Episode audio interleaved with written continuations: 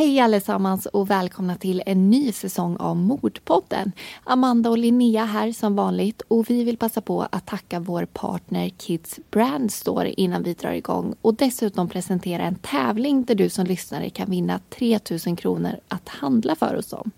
Och precis som det låter på namnet så är det märkes och kvalitetskläder för barn och ungdomar som de säljer. Och de har ju bland annat kläder från Gent, Adidas, Esprit och eh, Didrikssons. Och jag måste bara säga att Didrikssons är något av en eh, favorit hos mig. Jag älskar deras jackor.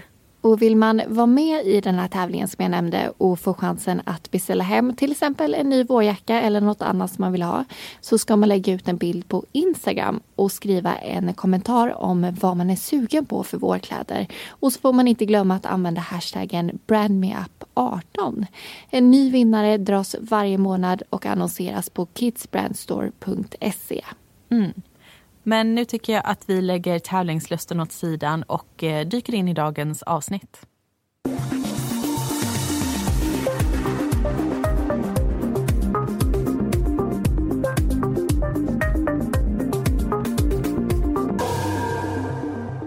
Natten till lördagen den 11 juni 1994 kommer in ett larm om en skottlossning utanför Dalregementet i Falun. Förstärkningar tillkallas och fem patruller möts upp vid kasernvakten på I13. I Vasaparken hittas sex unga kvinnor skjutna och en bit därifrån ytterligare två män. Sökandet efter deras gärningsperson får stort pådrag. De har en beskrivning av en man iklädd militärkläder och beväpnad med en automatkarbin. Men vad som fått honom att begå Sveriges värsta massaker i modern tid är inte lika lätt att reda ut.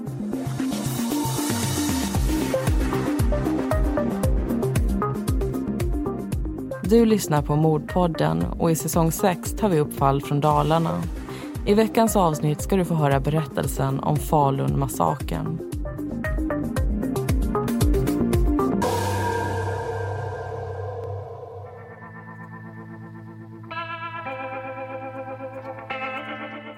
Fredagen den 10 juni klockan 19.00 är det avslutningsmiddag på regementet I13 i Falun.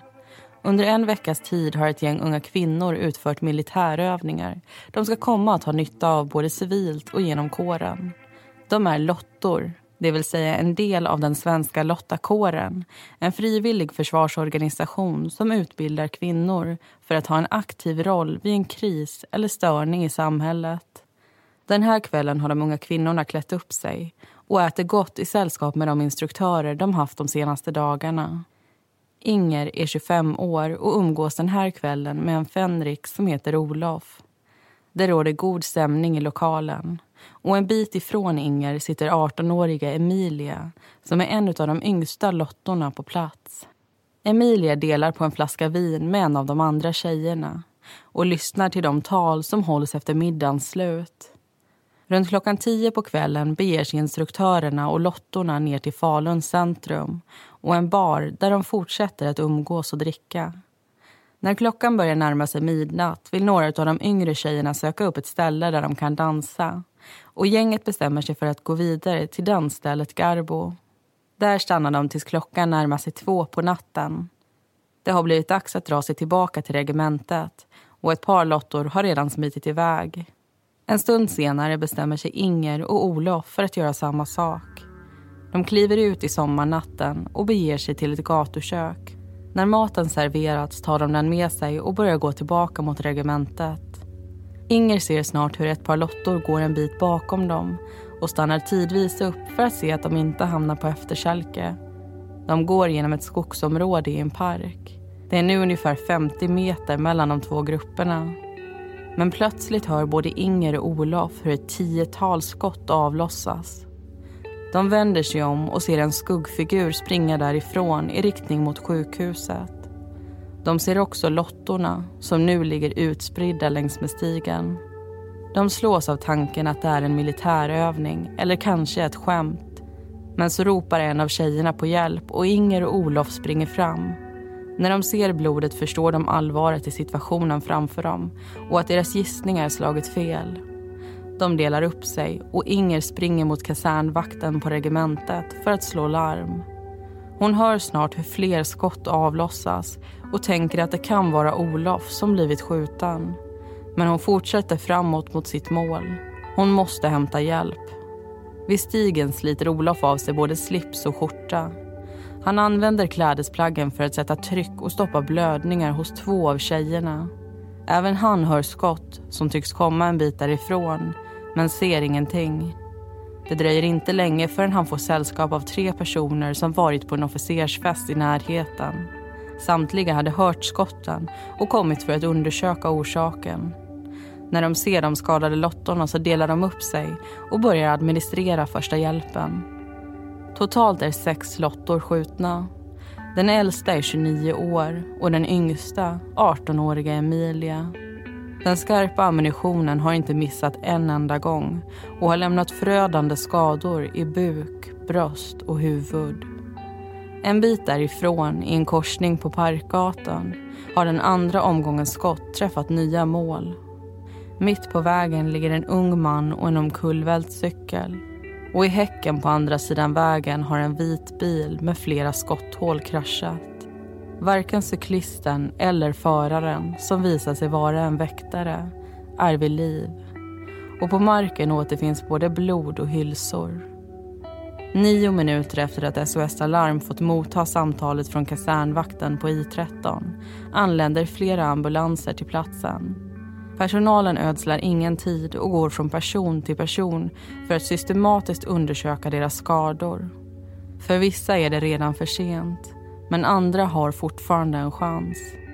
Tre av de unga kvinnorna packas in i ambulanser och körs vidare till akutmottagning och operationssal.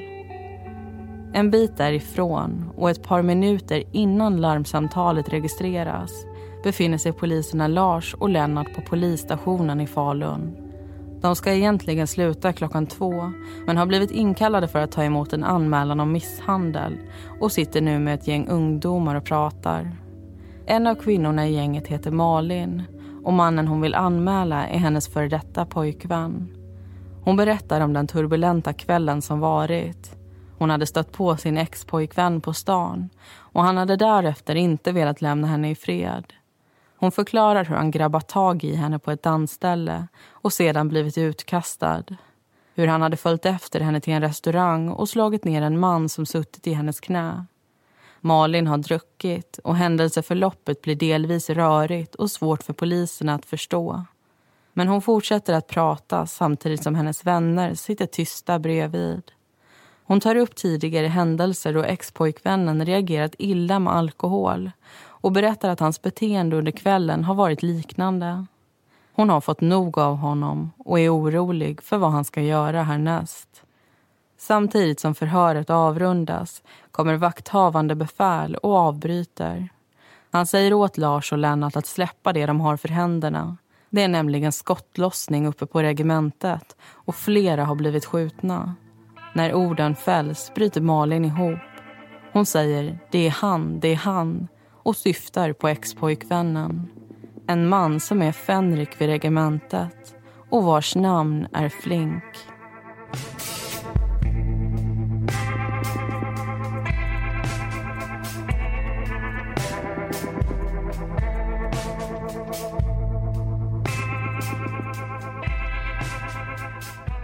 Då var vi igång med ett nytt avsnitt och en ny säsong. Den här gången handlar det om mordfall från Dalarna. Ett landskap som ni lyssnare har varit med och valt ut genom en omröstning på vår Facebook-sida. Och vi kan säga att det minst sagt var stort engagemang kring den här röstningen. Och Dalarna vann ju också ganska överlägset men det var också många som röstade på Östergötland och på Värmland. Och vi har ju fler säsonger inplanerade det här året så det är mycket möjligt att det är just fall därifrån som vi kommer ta upp härnäst. Men nu ska vi fokusera på Dalarna som sagt och eh, dagens fall. Say hello to a new era of mental health care. Cerebral is here to help you achieve your mental wellness goals with professional therapy and medication management support. 100% online. You'll experience the all new Cerebral Way, an innovative approach to mental wellness designed around you. You'll get a personalized treatment plan from a therapist, prescriber, or both in a safe and judgment free space.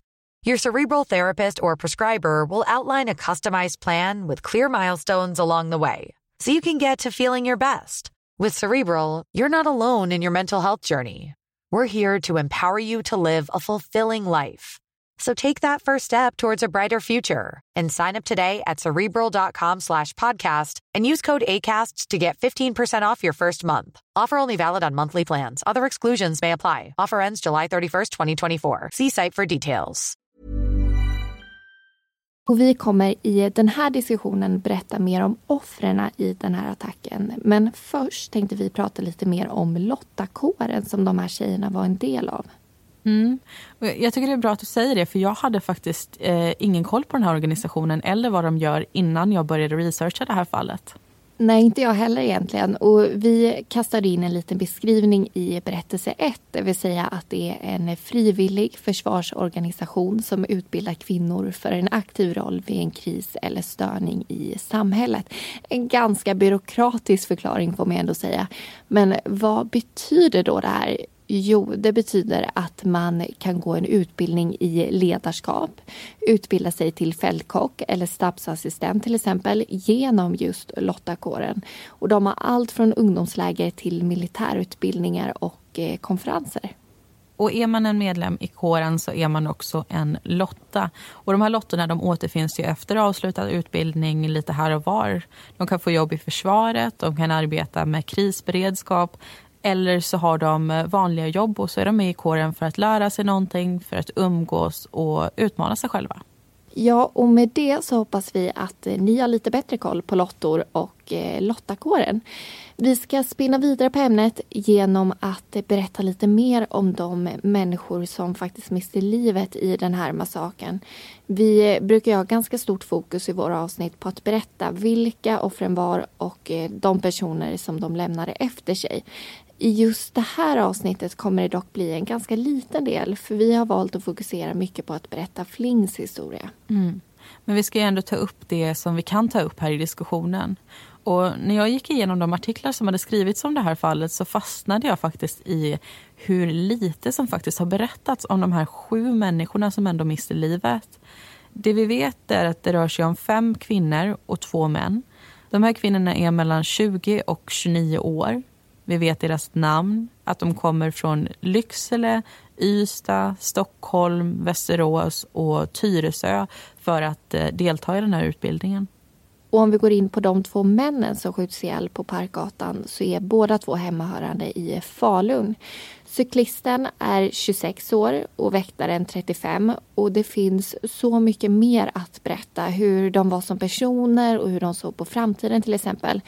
Men det som alla de här människorna har gemensamt det är att det är någons barn, någons syster eller bror och ett par hade också egna barn och alla är ju såklart saknade. Och det är ju någonting som gäller alla våra avsnitt och som vi vill att ni alltid ska ha med er när ni lyssnar på vår podd. Mm, det är jätteviktigt. Och med det sagt så ska vi ju snart lyssna vidare på eh, berättelsen. Men eh, först först vill vi presentera vår sponsor Next Story som är en ljud och en e-bokstjänst som du hittar på nätet och i din appbutik. Och jag håller faktiskt på att lyssna på en av deras böcker just nu som handlar om en man som heter Olle Möller. Är inte det ett verkligt fall? Jo, det är det. Och De har faktiskt en hel del true crime-böcker. Och Den här boken den heter Mördaren i folkhemmet och den är skriven av Lena Ebervall och Per E Samuelsson. Och Den berättar historien om en idrottsman, Olle Möller som döms för två väldigt uppmärksammade mord. Och Han målas upp som en av de värsta förövarna någonsin när han i själva verket förmodligen inte haft någonting med de här fallen att göra. Och vill man lyssna på den här boken eller någon annan bok för den delen så kan man testa den här tjänsten helt gratis i en månad. Man går då in på nextory.se kampanj och skriver in koden Mordpodden. Men nu tycker jag att vi hoppar tillbaka till vårt fall och en liten bit i tiden också. Här kommer berättelse två.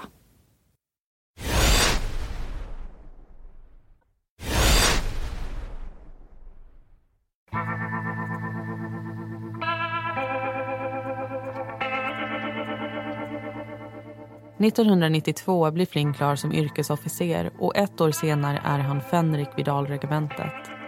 Han är en planeringsmänniska som tycker om fasta rutiner och sköter sin tjänst exemplariskt från dag ett. Med en pappa och farfar som vapentekniker och vapensmed är det kanske inte så lustigt att det är just försvaret han känner sig hemma. Relationen mellan Flink och hans pappa är särskilt stark.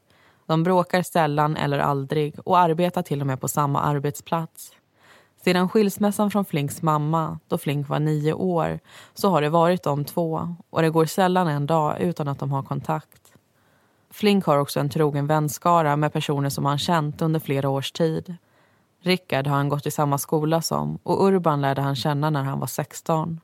Även Rickards fru Sara är en god och omhändertagande vän något som faller naturligt för förskoleläraren. I hennes ögon är Flink en väldigt snäll och hänsynsfull person. Det är också genom Sara som en ny person introduceras i Flinks liv. Malin. Under vintern 93-94 så träffar den 24-åriga Flink Malin för första gången. Hon är jämnårig, studerar till sjuksköterska och bor i en studentkorridor i staden. Samtidigt som vintern övergår till vår så spenderar Malin och Flink allt mer tid tillsammans. De är mer än bara vänner, ett par i Flinks ögon men inte riktigt där ännu i Malins. Runt påsk ses de nästan till varje dag och Malin sover ofta över i Flinks lägenhet. Hon har börjat tröttna på korridorslivet och bestämmer sig för att börja leta efter en egen bostad. Till sommaren så kommer hon vara klar med sin utbildning och hon vill då bo kvar i Falun. Men beslutet att skaffa en egen lägenhet gör också att det börjar skava i relationen mellan henne och Flink. De är nu ett par, men det är tydligt att de har olika uppfattningar kring vart deras relation är på väg. Och då förälskelsen lagt sig börjar de inse att deras olikheter kanske inte för dem samman, utan ifrån varandra. Även Flinks familj och vänner lägger märke till att relationen börjar gå utför. Den alltid snälla och artiga Flink har förändrats de senaste månaderna. Så fort Malin är nära så blir han annorlunda. Överbeskyddande, vaktande och inte alls lika glad. För Rickards fru, Sara, berättar Flink att han är olycklig. Att relationen med Malin är långt ifrån lätt och att problemen tär på dem båda. Lösningen enligt henne och flera andra är att paret borde sluta träffas. Men det är lättare sagt än gjort när de fortfarande har känslor för varandra. Sara lägger också märke till en mindre fin sida hos sin nya vän. Malin har en förmåga att få män att falla som furor runt henne. Hon flörtar och retar lekfullt. I ena sekunden avvisar hon Flink och i nästa vill hon att han ska vara där igen. Ett spel som får Flink ur gängorna. En kväll i slutet av april beger sig en ordentligt berusad Flink hem till Malins lägenhet. Han kommer dit i sällskap med några kamrater. De har varit ute och firat att de har kommit in på en dykarutbildning och Flink försöker nu förmå flickvännen Malin att följa med dem ut.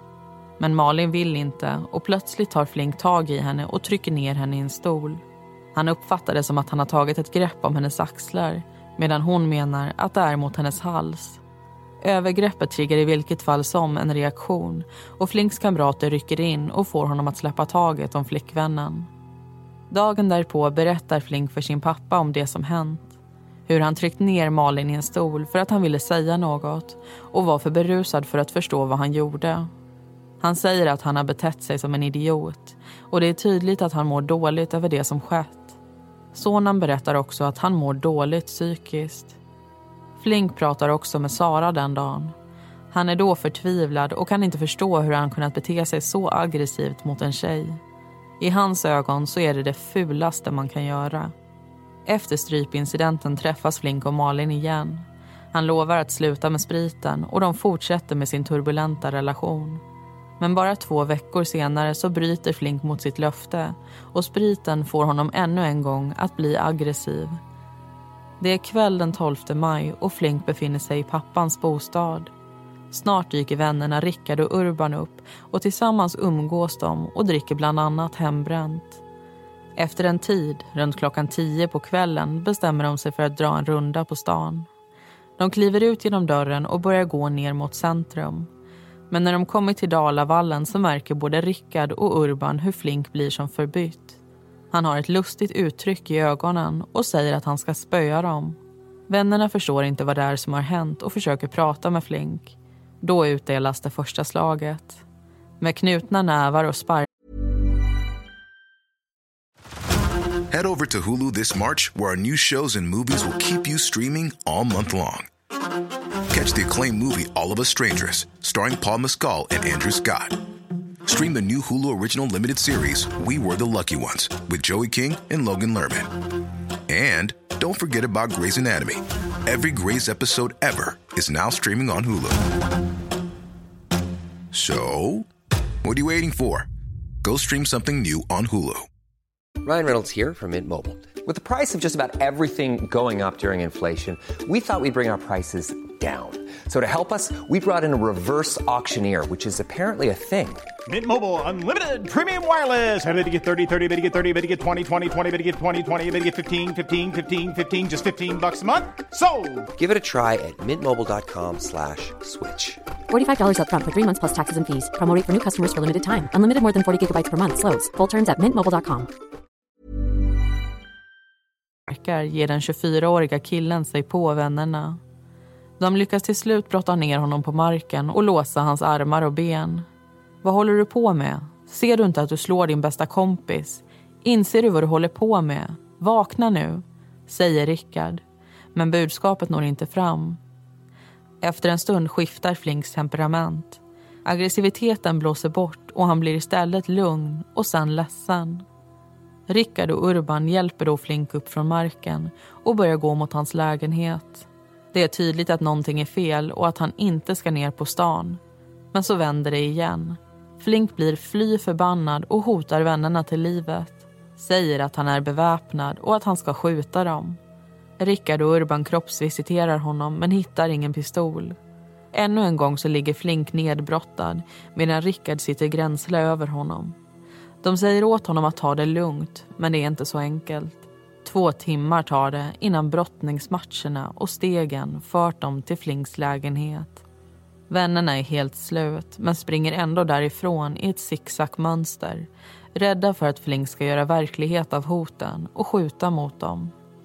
Dagen därpå vaknar Flink med värk i hela kroppen.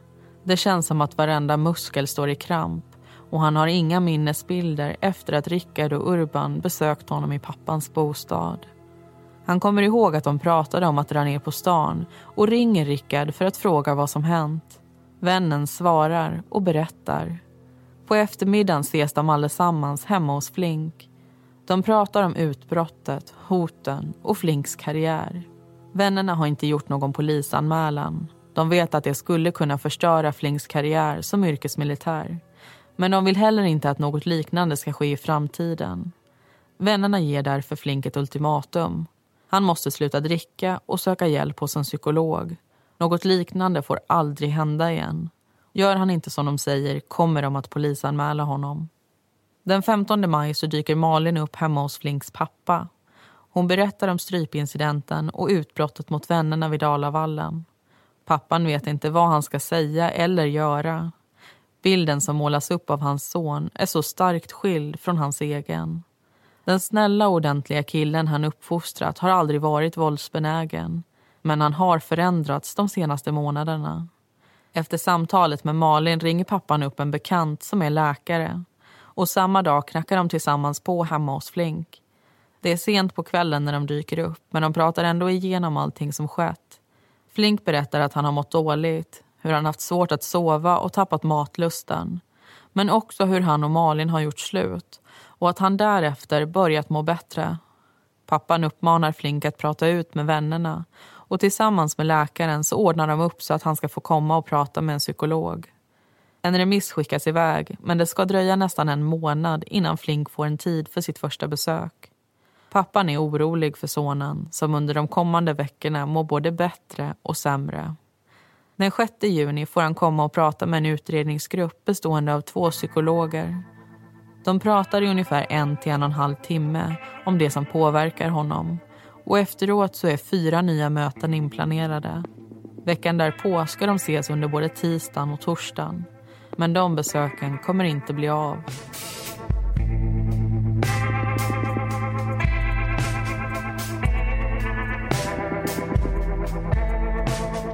Mordpodden. Vi diskuterar verkliga mordfall och det svenska rättssystemet.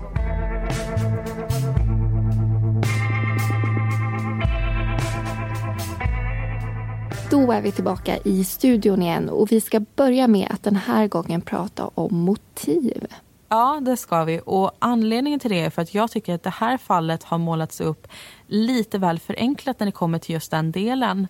Eh, det tas i princip upp två saker och det är alkoholen och uppbrottet från Malin.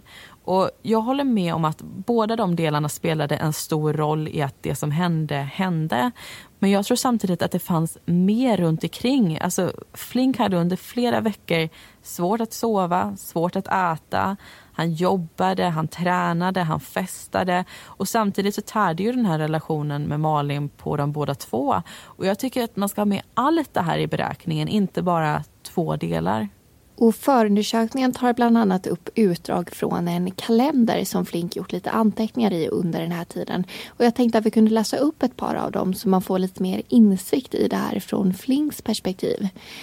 Allmänt så står det en del om fyspass och prov. En söndag i april så är det vapenmässa han ska gå på och veckan därpå kommer hans mormor och morfar att hälsa på. Sen blandas ju det här med anteckningar om eh, Malin som också blir fler och fler med tiden. 28 april så skriver han “Jag älskar henne” och tre dagar senare Malin får sin lägenhet, skällde på Malin, Malin hotade ta livet av sig.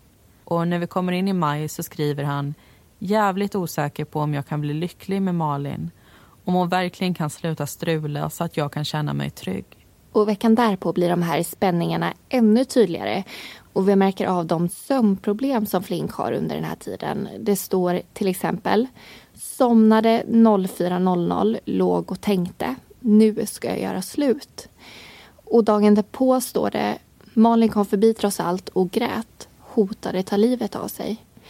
Och sen försvinner anteckningarna om henne ett tag. Det skrivs om löpning och det skrivs om engelska lektioner. Men så kommer det en ny notis. Malin kom och sov över. Det verkar bra. Och jag tycker det här talar ju väldigt tydligt om hur turbulent deras förhållande är men också hur dåligt de båda två mår av den här situationen och hur de gång på gång också dras tillbaka till varandra. Och vi vet ju att deras relation den är över när vi rullar in i juni och samma vecka som allting händer. Men de verkar fortfarande ha ganska mycket kontakt. Under tisdagen antecknar Flink att Malin kom för att sova över och dagen därpå ringde hon till honom under natten och han gick då och mötte henne. Och om vi då hoppar tillbaka till det här motivspåret som vi pratade om så tänker jag särskilt på Flinks psykiska hälsa vid den här tiden. Tittar man på de anteckningar och läser de förhör som de har gjort med hans vänner och hans familj så förstår man ganska snabbt att han är ur balans. Han mår inte bra. Och gör man inte det så brukar det bli lite av en ond cirkel. Det går ut över allting annat i ens liv och sen mår man ännu sämre på grund av det. Ja, och en sista grej som förmodligen har den största effekten på Flink det är alkoholen. Men vi kommer inte gå in på hur här i diskussionen utan vi lämnar det till den sista berättelsen som vi ska hoppa in i nu.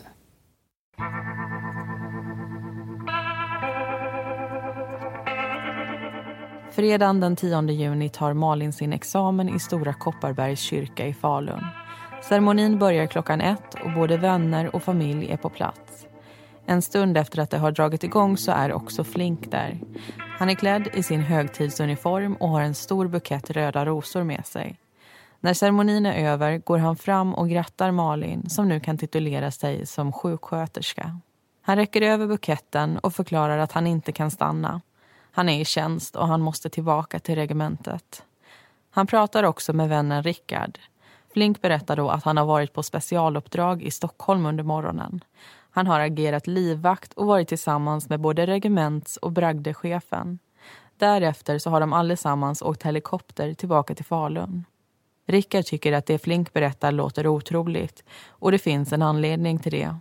Det har nämligen inte skett och är fantasier som Flinks hjärna konstruerat ihop. Efter att Flink lämnat kyrkan möter han upp med vännen Urban och tar en fika. Samma kväll kommer Urban hem till Flink och de dricker öl och blandar till några gingroggar. Efter någon timme drar de unga männen ner på stan. Vad som händer därefter kommer Flink bara ihåg fragment av. Runt klockan halv elva anländer de till dansstället Garbo. Malin är där med ett par gäster från examensfirandet och Flink går fram till henne för att växla ett par ord. När han slår sig ner hos Urbans bord ett tag senare så märker vännen ingen skillnad i hans beteende. Men det gör Sara. Hon är med och firar Malin den kvällen och lägger särskilt märke till hur kyligt vännen beter sig mot Flink. Hon och flera andra hör på då Malin bannar expojkvännen för att han druckit. De hör också hur hon säger åt honom att antingen uppföra sig eller gå därifrån. Hon vill inte att Flink ska förstöra hennes dag. En stund senare går Urban på toaletten och Flink söker sig ännu en gång till Malin. Han vill prata med henne, men hon undviker honom genom att väva sig fram mellan folket på dansgolvet. Till slut kommer Flink ikapp henne och han har då fått nog av spelet. Han pressar ner henne i en stol och situationen eskalerar snabbt. Någon hämtar en vakt och snart ligger Flink på golvet. Han leds ut ur lokalen och gör inget motstånd. Vakten förklarar att han inte är välkommen tillbaka och Flink ger sig av. Men efter ett par minuter är han där igen och vill bli insläppt. Vakten säger nej och Flink vänder på klacken. Tio minuter senare är han tillbaka ännu en gång. Han blir avvisad igen och gör inga fler försök att komma in. Strax innan midnatt lämnar Malin, Sara och Urban platsen och bestämmer sig för att dra vidare. En bit därifrån så stöter de ihop med Flink. Han är nu arg och säger att det är Malins fel att deras förhållande sprack. Han säger att det här är hans stad och att han är odödlig. Men Malin har fått nog och slår tillbaka. Hon tänker stanna i Falun så länge hon har lust och Flink är inte någon seriefigur. Han kan visst dö. Efteråt springer Malin tillbaka till Garbo och hämtar en kapten från regementet. Hon ber honom att prata med Flink och går sen vidare mot restaurang Bakfickan. Flink öppnar sig för kaptenen och säger att han inte har känt igen sig själv de senaste två veckorna. Han är ledsen och gråter och kollegan förstår att det handlar om kärleksproblem. De pratar en stund och sen försvinner Flink bort mot bakfickan.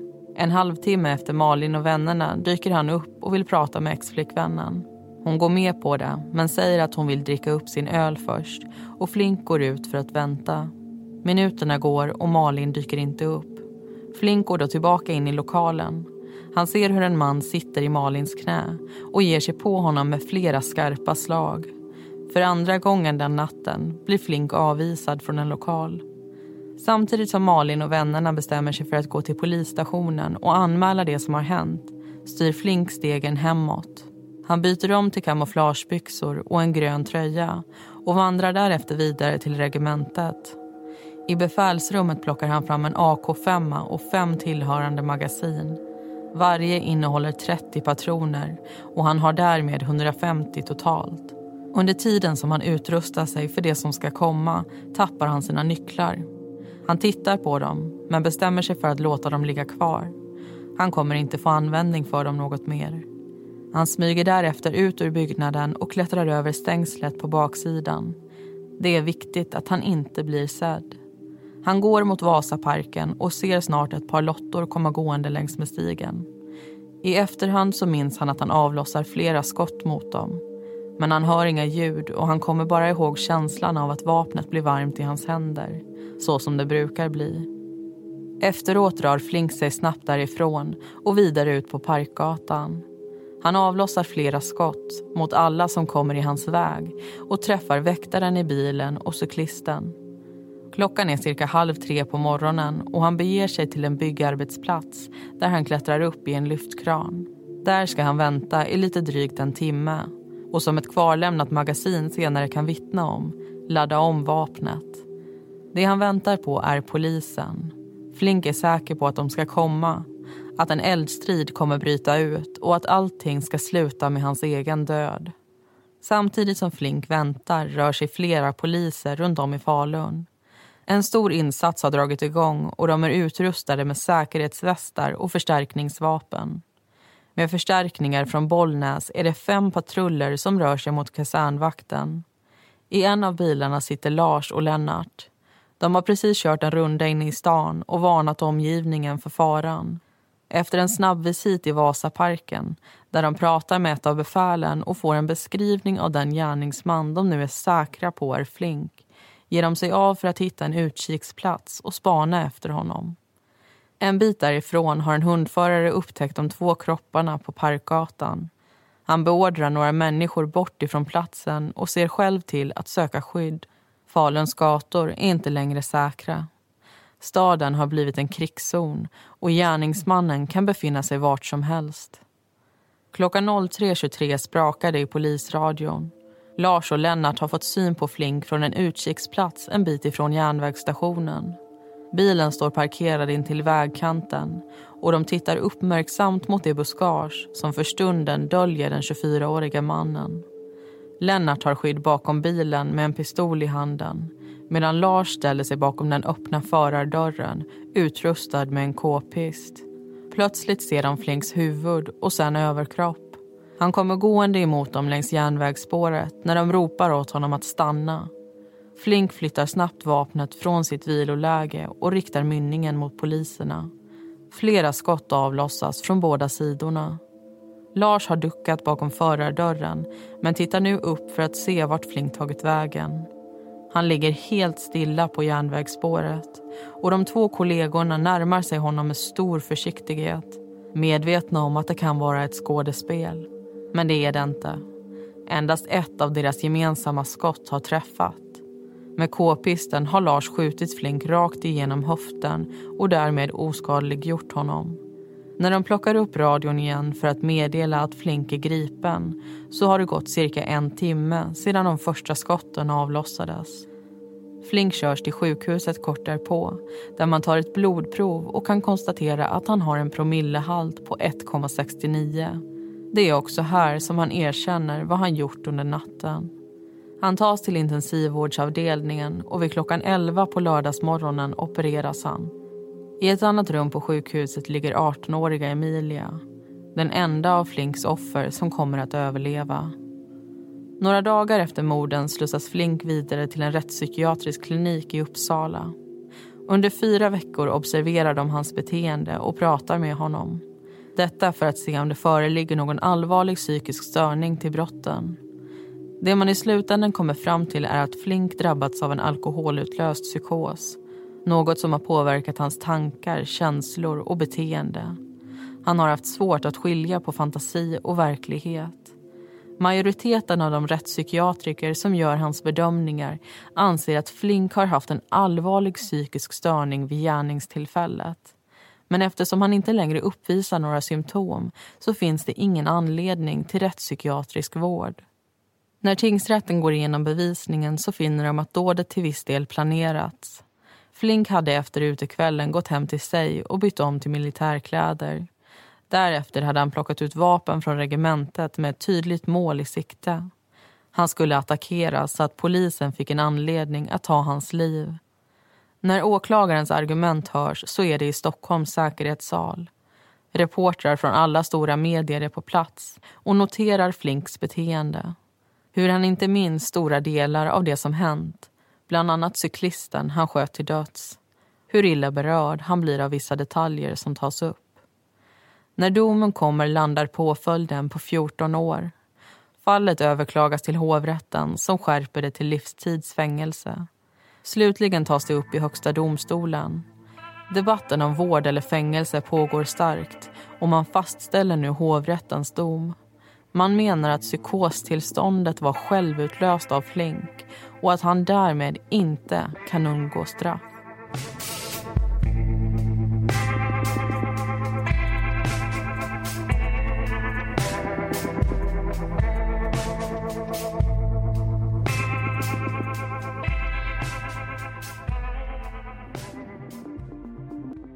Tack för att du har lyssnat på det här avsnittet. Alla förutom Flink heter egentligen någonting annat och informationen den är hämtad ifrån förundersökningen i fallet, den nordiska kriminalkrönikan från 1995 och artiklar från Dalademokraten, Dalarnas Tidningar och Aftonbladet.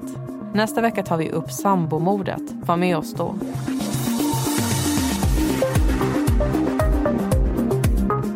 Vi som gör Mordpodden heter Linnea Bolin och Amanda Karlsson. Bakgrundsmusiken består av låtarna Lasting Hope, Lightless Dawn och Soaring av Kevin MacLeod samt Deep Space av Audionautics.